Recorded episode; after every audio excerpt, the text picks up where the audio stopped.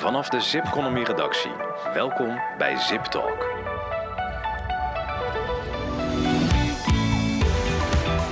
Ja, een hele goede dag en welkom bij Zip Talk, de podcast van Zipconomy. Mijn naam is Narada Bouwland en ik word vandaag bijgestaan door de hoofdredacteur van Zipconomy, Hugo-Jan Ruts. Goedemiddag, Hugo-Jan. Goedemiddag. Ehm, ja, we hadden net even. Ik heb jou nog niet gesproken vanochtend. eh, maar je hebt een goed weekend gehad, geloof ik. Want Feyenoord heeft gewonnen, dus gefeliciteerd. Ja, en, eh, en PSV heeft niet gewonnen en AZ heeft verloren, dus eh, een goud weekend. Ja, hoe Goud zit dat nou in het inhuurwereldje? Is dat nou voornamelijk eh, 010 of 020 volgens jou? Ja, kijk, dat, dat is wel een van, van de gevolgen van als dat ik niet zoveel wedstrijden van 020 Ja. bekijk en wel altijd van Feyenoord. En daar zie ik best wel veel eh, eh, borden hangen uit de wereld van, eh van Flex, zeg maar. Ja, ja, Ja. oké, dus zitten aan de goede kant. Fijn. Hey, we hebben vandaag twee gasten, Hugo Jan. Want we gaan eh, met elkaar eh, goed opdrachtgeverschap en goed werkgeverschap eh, bespreken. Daarvoor hebben we Shanne-Marie van Groenendaal uitgenodigd. Eh, goedemiddag. Jij bent eh, postdoctoraal onderzoekster verbonden aan de Tilburg University, expert ZZP. Ehm, nu heb ik begrepen dat jij eh, binnenkort een eh, onderzoek gaat starten, eh, ook op dit onderwerp. Kan je daar iets meer over vertellen waar dat over gaat? Ja, binnenkort staat er een, nieuw onderzoeksproject, financieel mogelijk gemaakt door Ja. Instituut GAK. En dat gaat echt helemaal over het thema goed opdrachtgeverschap. En in het bijzonder kijken naar de driehoeksrelaties tussen opdrachtgevers, intermediairs en ZZP'ers. Leuk, mooi. Nou, dat lijkt me een mooie kapstok om straks verder over te praten. Dan hebben wij nog een gast, dat is namelijk de one and only Wim Davidsen. Welkom. Jij bent Dankjewel. eh, arbeidsmarktstratege ehm, en sinds kort ook collega bij ons. Jazeker. Dus eh, welkom bij de club. Dankjewel. En kan je iets meer vertellen wat jij eh, gaat doen binnen het Zip Media, Zip Economy team? Heel graag. Ja? Ik, ik begin sowieso als hoofdredacteur van HR Monitor. Oké. Ehm, maar het is de bedoeling dat we juist veel meer verbinding gaan, eh, gaan, gaan leggen tussen de verschillende platforms van Zip Media. Ja. Dus we gaan van vast personeel tot flexpersoneel in al zijn hoedanigheden gaan we veel meer samen optrekken. Ja. Zodat we werkgevers en opdrachtgevers ja, maximaal van dienst kunnen zijn en alle nieuwe eh, inzichten eh, kunnen laten zien en kunnen laten leren die, die nodig zijn Ja, in ja. deze wilde nieuwe toekomst. Ja, nou superleuk om je erbij te hebben, want je bent een Vind ik veel ook. gevraagd eh, spreker in het Flex-wereldje. Ja. Eh, je, je blogs zijn bij iedereen denk ik bekend, dus echt eh, ja, eh, supergoed om je aan boord te hebben, nogmaals. Dankjewel. Dankjewel. Eh Hugo Jan, eh, jij hebt hier ook een rol in gespeeld, geloof ik. Wil jij hier, hier nog iets over delen? Waarom, Ja. Wim? Ja, nou, ik heb Wim benaderd in deze rol, omdat we hebben natuurlijk nu vijf platformen. eh eh, Flex News, dat- sinds kort bij, haar Tech Review vorig jaar erbij, Next Economy nog eens een keertje in, in België. Ja, er, er- er zit gewoon een, een, een logica in die opbouw van die titels en een groot verhaal wat daarboven eh, zweeft. Ja. Nou, en ik heb Wim gevra- gevraagd om mee te helpen dat verhaal te ontwikkelen, maar vooral ook uit te dragen naar de buitenwereld. Want ik denk dat, dat ja, die, die, die platformen blijven los bestaan van elkaar, aparte Ja. lezersgroepen.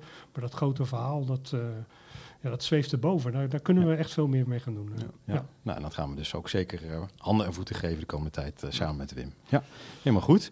Ehm, nou Wim, ja, je bent dus ook eh, expert op het gebied van goed eh, eh, opdrachtgeverschap en vanuit de Flex eh, gezien. Dus daar gaan we straks samen met jou ook bediscussiëren. Ehm, maar Hugo Jan en ik gaan het eerst hebben over de headlines van, eh, van de afgelopen tijd. Zip Talk Headlines. Nou, nu is het een periode van, eh, van events. Hè? Iedereen is weer terug van, eh, van de skivakantie. En eh, we gaan allemaal even wat leuke dingen doen voordat we straks weer aan de, de, de meivakantie zitten.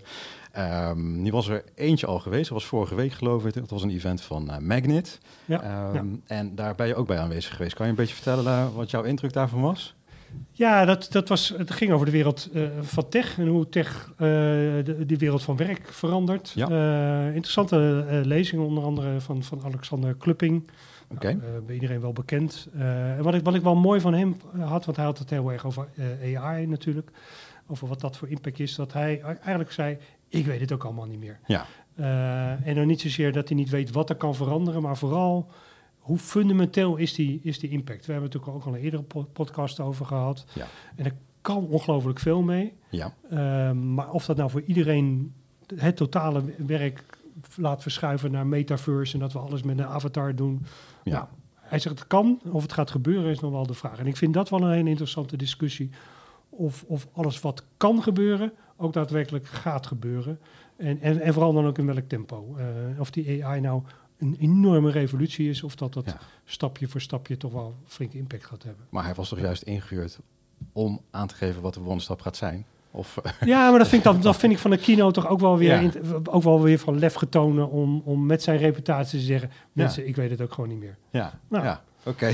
Dus die staat van verwarring. hadden ze mij eh, ook kunnen boeken. Ja, ja, ja, ik denk dat hij Ja. eh, op zich daar nog wel weer wat meer voor kreeg dan Ja, had ja gekregen. Ja. Ja, Helaas. ja, ja. Oké, ehm, door naar het volgende event. Ja, Ehm, het event van, de- van deze week is, is onze eigen Total Talent Summit. ja, Nou, we staan hier met, met al twee mensen aan tafel hier eh, om het over die wereld van vaste flex te hebben. Eh, donderdag is dat, eh, nou trots, het is al, al drie weken proppievol. Ja. Heel veel belangstelling voor waar we de wereld van HR-recruitment vanuit de werf en achterban en onze achterban van SIP Economy, Next Economy bij elkaar brengen om het ook weer over die veranderende wereld van werk te hebben, maar ook over hoe de arbeidsmarkt zich, eh, zich gaat ontwikkelen. En eh, nou, we hadden vandaag een, of vorige week een inter- interessant artikel met Jan-Willem Wijers, hoe hij dat in de praktijk doet. En, en, en morgen of overmorgen komt er nog een verhaal over ING met de werkcode omgaat. Ja. En dat is, dat is ook, ook wel weer een mooi voorbeeld van veranderende arbeidsmarkt en hoe een branche zelf de verantwoordelijkheid oppakt om wat met dat thema goed opdrachtgeverschap te doen. In de wetenschap dat de politiek daar niet zoveel in beweegt. Ja. Nou, dan hebben ze die werkcode ontwikkeld om hun eigen visie over wat is nou goed opdrachtgeverschap toch wel wat te verankeren. En dat is nu ook verankerd in de CEO voor een deel. ja oké. Dus, eh, ja. En voor mensen die niet aanwezig zijn bij dat event, eh, valt er straks nog iets over na te lezen? Ja, voor te lezen en na te lezen. Want, Ja. want eh, Jan Willem en, en Ariette Kat van ING, die staan eh, ook op het podium. eh, en Ja. dan, maar er komt ook uitgebreide verslaglegging komt, komt op Sipconomy te staan. Ja, oké. En dan het laatste event? Ja, dat is in Brussel, de World Employment Conference van de World Employment Confederation. En een brugje met het eerste onderwerp is dat die ook net, en dat is, dat is eigenlijk de brancheorganisatie wereldwijd van alle brancheorganisaties van uitzenders en HR-dienstverleners, dat die een code hebben opgesteld nu van wat is nou ethisch goed om als recruitmentbedrijf met de AI om te gaan. Ja. Nou, die, die zijn dus wel redelijk proactief, zetten dat op de agenda. En volgende week in Brussel komen er mensen uit de hele staffingindustrie, uit de hele wereld bij elkaar om het daarover eh, te hebben. En we zijn als Subconomy media partner daarbij. Dus om antwoord te geven op je volgende vraag. Ja, Ja. daar komt een verslag van op, Ja. eh, op eh, binnenkort. Mooi, oké. En dan heb je ook nog een eh, boekwerk eh, voor je liggen. Ja, ja, ja, vanochtend binnengekomen. En dit Ja. is het, eh, ons laatste rapport. Het is bijna 200 pagina's en het weegt Ja. alweer bijna een kilo. Maar dit is het, het rapport over de VMS-systemen, aanbieders in Nederland en België. Ja. Onderdeel van de reeks rapporten die wij maken elk, elk jaar. Ja. Dit is de editie 2023-2024. VMS, wie zijn het? Wat is de visie daarachter? En wat, wat is de mening van experts eh, Ja. over eh, de ontwikkeling van dit onderdeel? En eh, wanneer is dit nou handig om dit rapport erbij te pakken? Nou, dit is, dit is echt ook voor opdrachtgevers van die, Ja. die, die, wat grootschalige extern personeel inhuren. Breder dan alleen maar ZZP, maar, maar de flexkant. Ja. Ehm, ja, als, als, als, als je Excel voorbij bent, Ja. eh, dan, moet, dan moet je na gaan denken over hoe kan dat ook anders. En VMS is een oplossing daarvoor. Ja. Ehm, en dan moet je dit rapport pakken. En ook als je al een systeem hebt, maar je wil gaan overstappen. Maar het is ook aan de recruitment kant. Want als je zegt, nou, we willen recruitment en inhuur dichter bij elkaar brengen. Nou, dan kan een systeem in helpen. Ja. Ehm, en moet je dan naast elkaar of juist geïntegreerd. Daar gaat dit rapport ook over. Ja, Ja. oké, mooi, leuk. Vanaf donderdag eh, verkrijgbaar in eh, eh, maar één boekwinkel in Nederland. En dat is onze website. Goed, nou zullen we naar ons hoofdonderwerp eh, gaan. Want volgens ja, mij hebben we de, de events en het VMS-rapport eh, eh, goed, goed belicht. Ehm, even zien we eventjes terug dus naar, naar onze gasten. Ehm eh Shanna Marie en Wim. We gaan het met jullie hebben over goed opdrachtgeverschap en over goed ehm, eh, werkgeverschap. Eh, misschien even beginnen bij jou, Hugo Jan. Waarom vond je het goed om ze in deze combinatie samen neer te zetten? Nou, ik, ik, ik ken eh, beide als, als expert op dit vlak. Waar de ene keer bij Jean-Marie iets meer over opdrachtgeverschap gaat. En ik Wim vaak het woord aanstekelijk werkgeverschap Ja. hoor, hoor gebruiken. En ik weet dat ze alle twee heel graag, of daar een absolute visie over hebben. Maar dat ook graag onderbouwen met cijfers.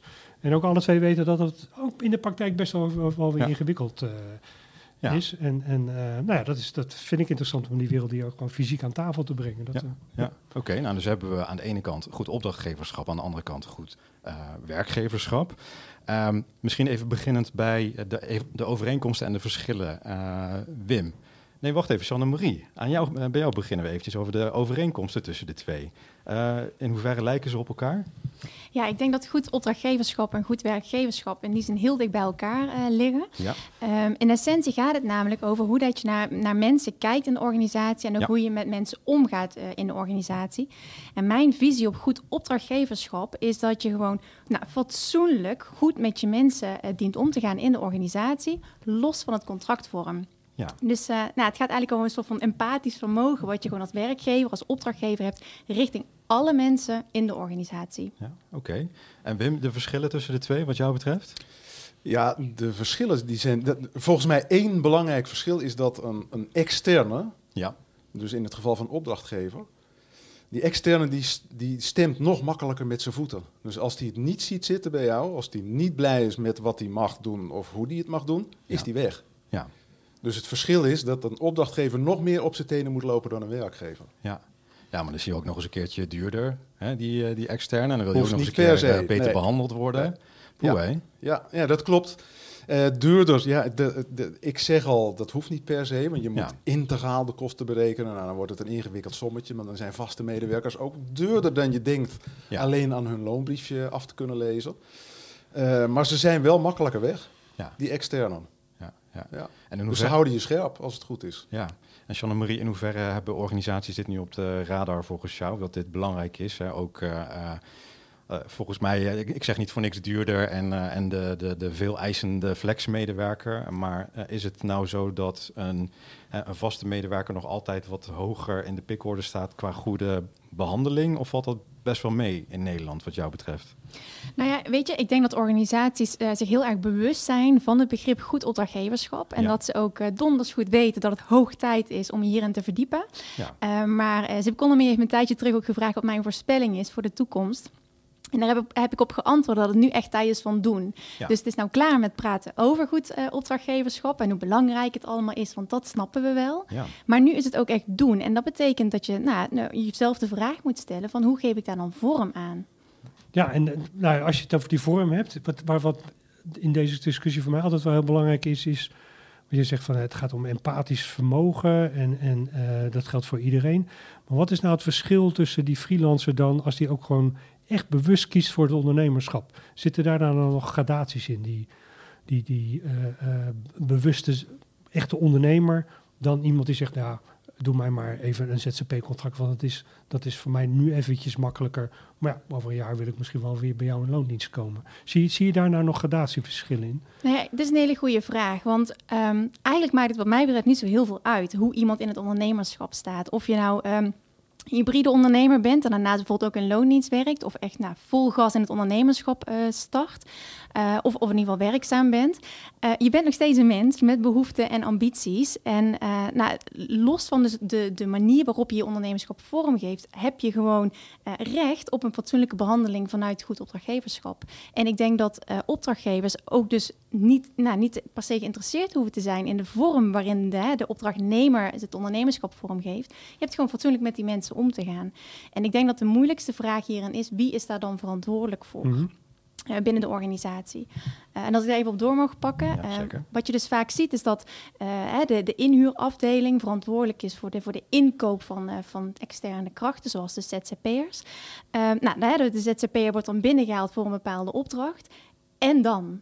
Ja. Waar je dus bij werknemers ziet, is dat een werknemer wordt, uh, wordt geworven. Hè, en vervolgens doorloopt dit hele HR-proces, uh, de hele onboarding en de medewerkersreis, is heel belangrijk voor de vaste medewerkers. Ja. Maar bij uh, de externe, bij de ZZP'ers, stopt het heel vaak nadat die opdracht is ingezet. Ja, ja.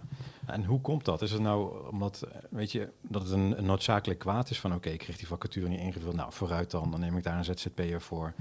Uh, er zat er zeg maar een, een, een, een soort grondhouding van zaggerijn uh, zit als je het hebt over een externe medewerker. Of is dat, is dat achterhaald, wat ik nu zeg? Nou ja, het hangt misschien ook heel erg af van, van de organisatie waar je het over hebt. Misschien is de ene organisatie of opdrachtgever er al wat verder in dan een ander. Ja. Um, maar waar denk ik het vooral soms misgaat, is dat de, de afdeling inkoop verantwoordelijk is voor het even plat ja. gezegd binnenhalen van de, van de externe, van de freelancer. En vervolgens wordt hij op de opdracht gezet. En dan in één keer is de leidinggevende van die betreffende afdeling verantwoordelijk. En vervolgens gaat, die op, gaat de externe ook weer weg. Ja. Um, En waar is HR dan in dit verhaal? Ja. En op het moment dat HR er dus wel bij betrokken wordt, dan zie je dus dat er onder andere al de inkoopafdeling, dan HR en misschien ook nog wel de juridische afdeling eh, betrokken is als, als het, eh, naar het contract gekeken moet worden. En dan zie je dus dat het hele proces van het inhuren van ZZP'ers gewoon heel erg versnipperd wordt door de organisatie heen. En wie waarborgt dan, coördineert dan nog de kwaliteit? Is dat dan HR? Moet dat dan HR zijn, in jouw visie? Nou, ik denk het wel. Simpelweg ja. Want HR heeft in principe alle kennis en kunde in huis om echt naar de mens te kijken. Die zijn er als goed is voor opgeleid. Die weten hoe ze naar mensen moeten kijken of kunnen kijken. En wat mensen ook drijft om een bepaalde organisatie werkzaam te zijn. Dus ik denk dat HR gewoon kansen laat schieten. Mhm. Als HR zich niet op een positieve manier gaat bemoeien met dat inhuurproces. Maar uit onderzoek blijkt dus ook dat er gewoon heel vaak flink bezuinigd wordt op HR. Uh, eh, die zijn met hele operationele taken bezig en die willen wel verder denken. Hè? Dus eigenlijk buiten hun functie treden en verder kijken naar alle contractvormen. Maar er is gewoon geen tijd en geen middelen voor. Want er moeten genoeg brandjes geblust worden die bijvoorbeeld met het vaste personeel te maken hebben. En nou, je vertelde over je, uh, je onderzoek wat, uh, wat je gaat doen aan de universiteit betaald voor instituut GAK. En, en wie kwam op het idee om naar, naar die driehoeksrelatie dan te kijken, om ook die bureauwereld bij deze discussie te betrekken? Ja, ik had de luxe positie dat ik uh, zelf heel betrokken mocht zijn bij het vormgeven van het onderzoeksvoorstel. Mm Dus uh, ik heb die driehoeksrelatie uh, bedacht. Um, maar ook daarin vind ik dus, ik, ik heb dus daarvoor gekozen, omdat je dan ook heel mooi die verantwoordelijkheid in kaart kunt brengen. Want we praten nu hè, als, een, als een opdrachtgever dus een ZZP'er uh, binnenhaalt als het ware. Maar heel vaak zijn er dus ook bemiddelaars tussen, hè, dus bijvoorbeeld intermediairs tussen. En dan wordt het helemaal complex, want wie is dan verantwoordelijk voor het fatsoenlijk behandelen van de freelancer? Is dat degene, is dat de intermediair die dus bemiddelt tussen de freelancer en de opdrachtgever? Of is dat de opdrachtgever waar de freelancer ook daadwerkelijk de opdracht uitvoert? Ja. Wim, daar heb jij vast ook een, een, een idee in de visie over in die driehoeksverhouding. Zeker. Waar, waar ligt nou de verantwoordelijkheid? Waar die ligt, dat, uh, nou, dat verschilt van geval tot geval. Maar ik vind dat het bureau altijd die verantwoordelijkheid moet nemen. Want het gaat over mensen, zoals jij zegt. Je hebt het over fatsoen, Jeanne-Marie.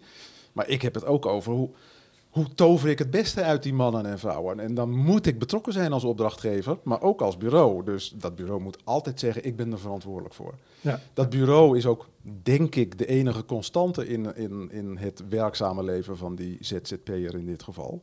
Die kan ervoor zorgen dat hij van opdracht 1 naar 2 naar 3, et cetera, hopt.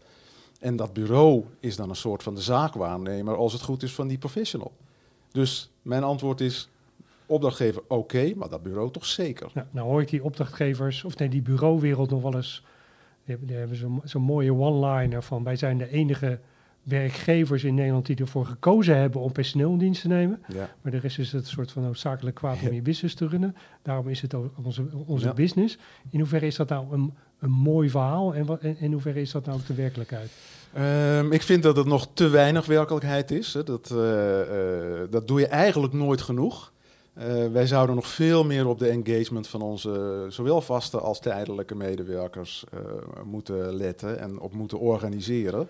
En dat kan echt nog wel heel veel beter. Ik zie dat dat al heel veel is verbeterd de afgelopen paar jaar. Ik denk onder druk van de krapte op de arbeidsmarkt. Maar tegelijkertijd zijn we er nog lang niet. En dat is ook waar wij onze schouders onder willen zetten, Hugo Jan. Ja, ja. Kun je daar iets concreter in zijn? Heb je een voorbeeld, een case, niet met name eventueel, maar wat men heeft gedaan als opdrachtgever en als intermediair om een uh, flexkracht zeg maar, echt happy te maken en te binden? Ik heb een poosje geleden het verhaal gehoord van een kandidaat, die, uh, of al een, een, een werkzame uh, professional, ja. die zat op een project, was daar gezet door een bemiddelaar en die zijn na een paar weken, en ik vind het een verschrikkelijk project, ja. niet alleen inhoudelijk, maar ook de, de, de, de, de manager van dit project is echt niet fijn. Ja. En toen heeft dat bureau gezegd, wil je dan weg? Moet ik je ergens anders na naartoe brengen? En toen zei die kandidaat, ja, dat wil ik wel. Ja. Nou, dat komt heel vaak, of te weinig voor omdat uh, de kandidaat betaalt, niet maar de opdrachtgever betaalt. Dus, en als de opdrachtgever betaalt, dan bepaalt hij ook. En luister ik dus niet naar de kandidaat. Ja. En Dat, dat, die knop, die enorme mentale knop, die moet worden omgezet. Ja, ja, En dat gebeurt steeds meer, maar nog steeds te weinig. In, in hoeverre uh, vind je nou dat, um, uh, want eigenlijk is dan uh, die bemiddelaar is ook een instrument vanuit de opdrachtgever ja. gezien. Hè? Dus ja. je kan ook, als je het integraal benadert, denken van, hé, hey, hoe maak ik een strategisch partner van die, van ja. die, van die intermediair? Zeker. Ehm, heb je daar voorbeelden van, van opdrachtgevers en hoe ze dat aanpakken? Dat zij ehm, ja, die bemiddelaar echt als een instrument inzetten? Dat gebeurt heel veel. Ik denk in Nederland heel veel. Hè. De, de, de MSP-gedachte in Nederland komt daaruit voort, volgens mij, hè, als, ik, uh, als ik het zo interpreteer. Maar ik zie dat wel als te veel instrumenteel nog. Oké. dan, dan, dat, dat is lekker makkelijk, lekker efficiënt en uh, dan ben ik er vanaf. Hè. Dus eigenlijk een regelfunctie. Ja. Ik zou ook die motivatiefunctie veel sterker aangezet willen zien. Ja. En dat, daar heb ik eigenlijk geen goede voorbeelden van. Ja. Oké. Nee. Er speelt daar uh, het onderwerp technologie, speelt in die congressen waar ik geweest ben en naartoe ga de komende weken ook, ook een hele belangrijke rol ja. daar, daarin. Goed op werkgeverschap, technologie, HR, professionaliseren, tech ik, ik voelde altijd de spanning van technologie is, is, is onpersoonlijk, maar het moet juist persoonlijker, het moet individueler, maar we, hebben, we willen ook alles van iedereen weten. Ja. Hoe, hoe, kijk jij tegen die ontwikkelingen aan? Ja, ik denk dat technologie is heel belangrijk, maar het is bijna letterlijk een instrument. En dat kan nooit primair zijn. Primair is hoe wij met elkaar omgaan. Dat gaat over leiderschap, over managementstijl, over cultuur. Uh, en even een technologie introduceren, dat is nog wel te doen. je zet er een goede projectmanager op en je ramt dat zo die organisatie in. Maar dan het gedrag veranderen en mensen daar blij en gemotiveerd mee krijgen, dat, uh, dat zou dan wel eens heel erg kunnen mislukken. Dus ik zou hem liever om willen draaien.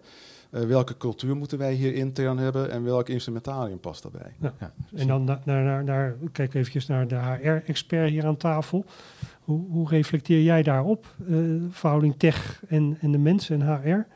Ja, het is, het is complex, omdat het zeg maar, het gaat over technologie, maar het gaat dus ook over mensen. En precies wat Wim ook zegt, een technologie, de organisatie in rammen als het ware, dat, kan in principe iedereen. Maar hoe zorg je nou voor dat mensen ook die technologie omarmen uh, en ook nog echt gaan benutten, zodat het ook efficiënter uh, wordt, hè, het werken in die organisatie?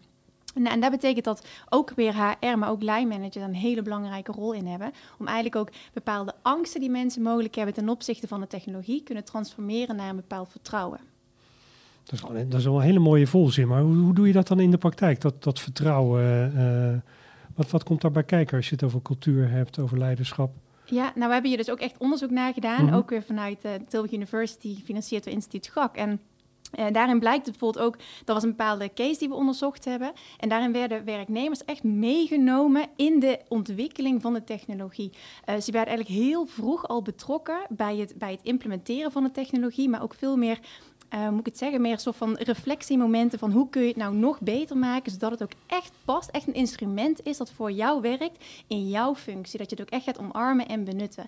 En dan zie je dus dat op het moment dat mensen worden meegenomen, echt bij van A tot Z als het ware, dan, dan is die angst ook al veel minder, omdat ze een bepaalde zeggenschap krijgen, een bepaalde engagement, een bepaalde betrokkenheid. En dan zie je dus ook dat die implementatie veel soepeler uh, verloopt. Ja, en nou even, ik heb hier het VMS-rapport liggen. Um, dit, dit zou wel eens een ingewikkelde vraag kunnen worden, maar uh, omdat ik hem ook zelf nog niet helemaal hè, scherp heb. um, we hebben het over de mens gezien worden. Ik geloof dat, dat als je een freelancer bent, je hebt veel onderzoek gedaan ook naar wat nou de drijfveren zijn, dat is misschien nog meer een individuele beleving. Want de, de stap naar freelancerschap is vaak, vaak toch een bewuste stap en, en een, een proces. En mensen willen erkend worden al in hun in hun uh, uh, zijn, in hun individuele uh, dingen eraan. En dan kom je in een VMS-systeem, wat toch ook een technische oplossing is, onmisbaar bijna voor grote organisatie. Maar hoe neem je dan die freelancers mee in, in het verhaal wat je zegt? Want die worden er toch mee geconfronteerd. Ja, ik denk dat het al heel, heel vroeg start. Hè. Dus op het moment dat je dus als opdrachtgever te maken krijgt met een freelancer, om bijvoorbeeld al heel simpelweg even naar de opdracht te kijken waarvoor een freelancer wordt ingehuurd. Wat je dus heel vaak ziet, is dat een opdrachtgever een vacature, een opdracht uh, formuleert alsof het een vacature is. En die is als het ware al in beton gegoten. Dit is de opdracht, die moet binnen een bepaalde tijd uh, geklaard worden en daar hebben ze een bepaald budget voor. Um, maar als je juist kijkt naar waarom mensen dus zelfstandig worden, ZZP'er worden is het ook vanuit een bepaalde behoefte aan autonomie om te kunnen, zelf te kunnen bepalen wanneer je werkt, met wie je werkt, hoe je werkt, wat je, wat je werk inhoudt. En het zou bijvoorbeeld een hele mooie start kunnen zijn om al voordat die op, uh, ZZP'er daadwerkelijk aan de opdracht begint, is samen naar de opdracht te kijken en te kijken van, hey, die opdracht die past bij je profiel, maar zouden we de opdracht zo kunnen tweaken als het ware dat er ook wat ontwikkelruimte voor je in zit. En ja. in de wetenschap noemen ze dat stretch work, dat je de opdracht als het ware opstretcht, zodat er ook ontwikkelruimte ontwikkelruimte voor die freelancer komt. Ja. En, en, stel ik even een vraag aan jou, Hugo Jan, want ik vind het super interessant wat zij nu zegt. Um, maar uh, we lijken er dan toch een beetje naartoe te praten dat je als het ware die externe medewerker zoveel als mogelijk uh, hetzelfde behandelt als de vaste medewerker. Hè. Misschien heb je op die vaste medewerker ook nog allerlei dingen te verbeteren om een goed uh, werkgever te zijn. Maar kom je op een gegeven moment niet in de problemen ook met wet en regelgeving? Hè? Want dan, dan als je het hebt over, over embedding in de organisatie ehm, het vormgeven van jouw opdracht, dat begint allemaal wel heel erg te lijken op een, op een HR-cyclus. En, mm -hmm. en ik ben ZZP'er, dus misschien moeten we juist dit soort dingen vermijden. Ja, ja nou, een hele terechte vraag. Maar ja. ik, knip hem in tweeën op. Want, want als je mij, aan, mij mijn visie vraagt, dan zeg ik, ja. ja, er zijn heel veel dezelfde dingen. Maar gooi het niet allemaal op één hoop. Erken ook juist vanuit die drijfveren wat nou het verschil is tussen een werknemer ja. en, en, uh, en, en, en, een freelancer. Ja. Want heb het niet over salaris, maar over tarief. Heb het over een opdracht en niet over een tijdelijke baan. Dat, ja. dat klinkt eenvoudig. Ja. Maar daar zitten, wel, daar zitten wel een paar lagen in taal onder, in gedrag onder, die je anders, an, toch anders moet invullen ja. dan naar de wetgeving. Uh, ja, dit is, dit is, dit is dramatisch. Ja. uh, in de zin dat, dat als we, wij zijn het hier met z'n vieren denk ik aan tafel wel over eens dat dit misschien kan Wim daar straks nog wel wat meer over vertellen. Dat is, dit is wel wat er gaande is in de arbeidsmarkt. Dat mensen individuelere keuzes willen maken op een manier dat ze willen werken, op een manier dat ze gelukkig worden en effectief zijn, zoals, zoals Jeanne-Marie zijn. En ja, we moeten onderscheid maken, fiscaal gezien, ja. uh, uh, tussen twee groepen werknemers ja. of, of sociale zekerheid. Er zijn verschillen, dus dat onderscheid is mogelijk, maar doe dat dan op andere criteria dan, dan inbedding. Ja. En, en het zou toch te gekke zijn dat je niet een goed opdrachtgever mag zijn, omdat ze juristen bedenken dat dat onhandig is voor die kwalificatievraag. Ja. Dat, is, dat is echt. Ja, dus je zegt eigenlijk dus je uh, jaren zijn verschillen, maar dat ontslaat je er niet van om dan maar alleen maar uh, voor je compliance te zorgen met een uh, flexkracht. En voor de rest te zeggen, ja, voor de rest mogen we er toch niks mee. Dat is een beetje hoor, te makkelijk. Ik, ik, ik, hoor nog steeds de voorbeelden van, ja, we hebben de freelancers niet uitgenodigd voor de kerstborrel, want anders ja, zijn het werknemers. Ja. Daar A, is dat juridisch gewoon onzin. Ja. Want natuurlijk mag het wel. Ja. Maar je moet de organisatie ook gewoon een beetje lef durven tonen. En ga dan alsjeblieft doorprocederen tot de Hoge Raad. Ja. Dat, je, dat je freelancers bij een kerstborrel mag uitnodigen. Omdat dat gewoon goed is voor heel Nederland. Ja. Mag ik daarop inhaken? Zeker. Want volgens mij is de hele bedoeling van die wet en regelgeving dat ze juist ook ZZP'ers beschermen. Dus ook die schijnzelfstandigheid aanpakken. Hè? Dat je dus niet onterecht als ZZP'er te werk gesteld wordt. Ja. Um, maar als je dus deze discussie aangaat, dan lijkt het wel alsof wet en regelgeving goed opdrachtgeverschap juist in de weg gaat zitten. Ja. En het eigenlijk ja. een soort van averechts effect gaat hebben over hoe je met mensen en organisaties omgaat. Ja. Ja, en er is, er is een politieke partij, maar ik zal ze nog eens op aanspreken, die goed opdrachtgeverschap in een politieke partij of in een programma had, uh, had staan, maar die, okay. die er dan toch niet over hoort. Uh, ah. Ik kijk even weer maar. Ja, die, die, die, die uh, Marie heeft het net over schijnzelfstandigen. Maar wat er de afgelopen twee jaar is gebeurd, is ongeveer het tegenovergestelde. Er zijn steeds meer mensen die kiezen zelf voor zelfstandigheid. Ja. Dat is sinds wij uit die coronacrisis zijn gekomen, is dat ontploft. Mensen kijken om zich heen, die zien een krappe arbeidsmarkt, die zien werkgevers waar ze niet vrolijk van worden, die zien bureaucratieën waar ze echt chagrijnig van worden. Ja. En die nemen ontslag en die gaan ZZP'en. Ja. En de afgelopen half jaar, de tweede helft van uh, 2022, is het aantal ZZP'ers met bijna 14% gegroeid ten opzichte van een jaar eerder. Nou, ja. ik noem dat dus de werkersrevolutie. Mensen kijken om zich heen en die denken bij zichzelf: als ik geen leuke vaste baan krijg, dan kies ik voor zwierig ZZP. Ja, en hoe zit dat nou? Want je hebt, ik, ik zag jou laatst ook iets delen over zeg maar, de generaties hè, of de verschillende leeftijdscategorieën. Ja. Uh, in hoeverre is het daarom, is dat ook extra reden om um, ja, goed met goed opdrachtgeverschap bezig te zijn? Hè? Volgens mij uh, Gen Z wil graag uh, flexibeler en die liefst als ZZP en die wil niet tien jaar bij uh, dezelfde opdrachtgever werken. Of, kan je dat een beetje duiden? Hoe zit dat met die generaties? Nou, dat, ik, ik vind dat eigenlijk wel heel erg meevallen. Ja? Wordt, dat, dat wordt wel gezegd, maar in de cijfers zie je dat niet heel erg duidelijk. Okay. Hè? Ja. Er zijn nu wel meer jongere ZZP'ers dan tien jaar geleden of twintig jaar geleden. Maar in elke leeftijdscategorie neemt het toe. Ja. Maar de belangrijkste groep ZZP'ers is 40 plus en hoog opgeleid. Ja. Die staat volstrekt autonoom in het leven. En die heeft echt geen behoefte aan een tut hola die uh, namens de directie komt vertellen... dit mag niet en dat moet. Ja. Ja. En, uh, en die jongeren Ja, die, die, die komen bijna niet aan een vaste baan. Dus hè, want, toen we uit de eurocrisis kwamen, nog voor corona, toen had bijna 70% van die jongeren had geen vaste baan. Dat duurde ook jaren. Dus die zijn ook veel meer gewend geraakt aan flex. Ja, ja. Dus je kan als werkgever hoog of laag springen, maar je verliest het op deze krappe arbeidsmarkt. Je moet heel goed luisteren. Niet uh, wapperen met je CAO-boekje of met wet en regelgeving, maar wapperen met: uh, ik heb naar jouw verlanglijstje geluisterd, ik weet wat jou boeit, ik weet wat jou inspireert en ik ga een propositie creëren waar jij helemaal warm van wordt. Ja, Dat moeten we gaan doen. Ja, mooi gezegd. Um, en Jeanne-Marie, um, ja, de eh, inhurende organisaties, werkgevende organisaties die nu luisteren. Ehm, wat, zou, wat zou jij ze nou als uh, advies willen meegeven? Uh, of stel dat ze hier iets mee willen, wat zouden ze dan moeten doen? Nou, heel kort gezegd, laat je niet ontmoedigen. We zijn dus in de politiek hard bezig om uh, nou, allemaal een nieuw beleid te maken. Uh, maar laat je niet ontmoedigen en laat je ook zeker niet verlammen. Dus als jij geïnteresseerd bent in goed opdrachtgeverschap, ga ervoor, uh, denk out of the box en, en maak iets wat past bij jou in de organisatie. Mooi. Nou, daarmee zou ik willen afsluiten. Of heb jij nog, uh, nog, een, nog een hele scherpe vraag, Hugo Nee, nee, nee, nee. ik heb vooral inspiratie. Want het, dit, ja. als je het hebt over dit onderwerp, uh, is dit, dit is wel de kern waarom ik ooit Subcolumnie ben begonnen. En ja. nou, het is nu iets groter gegroeid. Dus het is absoluut de lijn ja. qua inhoud op, op doorgaan. Ik ben het helemaal met, met Jeanne Brie gewoon af en toe lef tonen en, en, en aan de slag gaan. Want je hebt echt een ongelofelijke wereld te verliezen in deze krappe arbeidsmarkt. Ja, nou mooi. Nou, dat, dat geldt, geldt overigens ook voor de bureauwereld. Want dat is. Ja, ja uh, absoluut. Ja, Voor jou 17.000 anderen. Maar je bent niet alleen in deze sector. Ja. Nee. Oké, nou daarmee ronden we af. Uh, Wim, leuk dat je er was. Ik ga jou vaker zien. En Jeanne-Marie, ook leuk dat je er was. Hopelijk ga ik jou ook vaker zien. Uh, maar in ieder geval jullie dank, of mijn dank voor jullie komst vandaag. Als je meer wil weten over het nieuws wat we vandaag besproken hebben, kun je links naar de nieuwsartikelen vinden in de omschrijving van deze podcast. Verder vind je meer nieuws op zipconomy.nl en daar kun je ook abonneren op onze nieuwsbrief. Volg verder Zipconomy op LinkedIn om op de hoogte te blijven van het laatste nieuws en vergeet je niet te abonneren op deze podcast bij Spotify of Apple Podcast. Bedankt voor het luisteren en graag tot de volgende keer.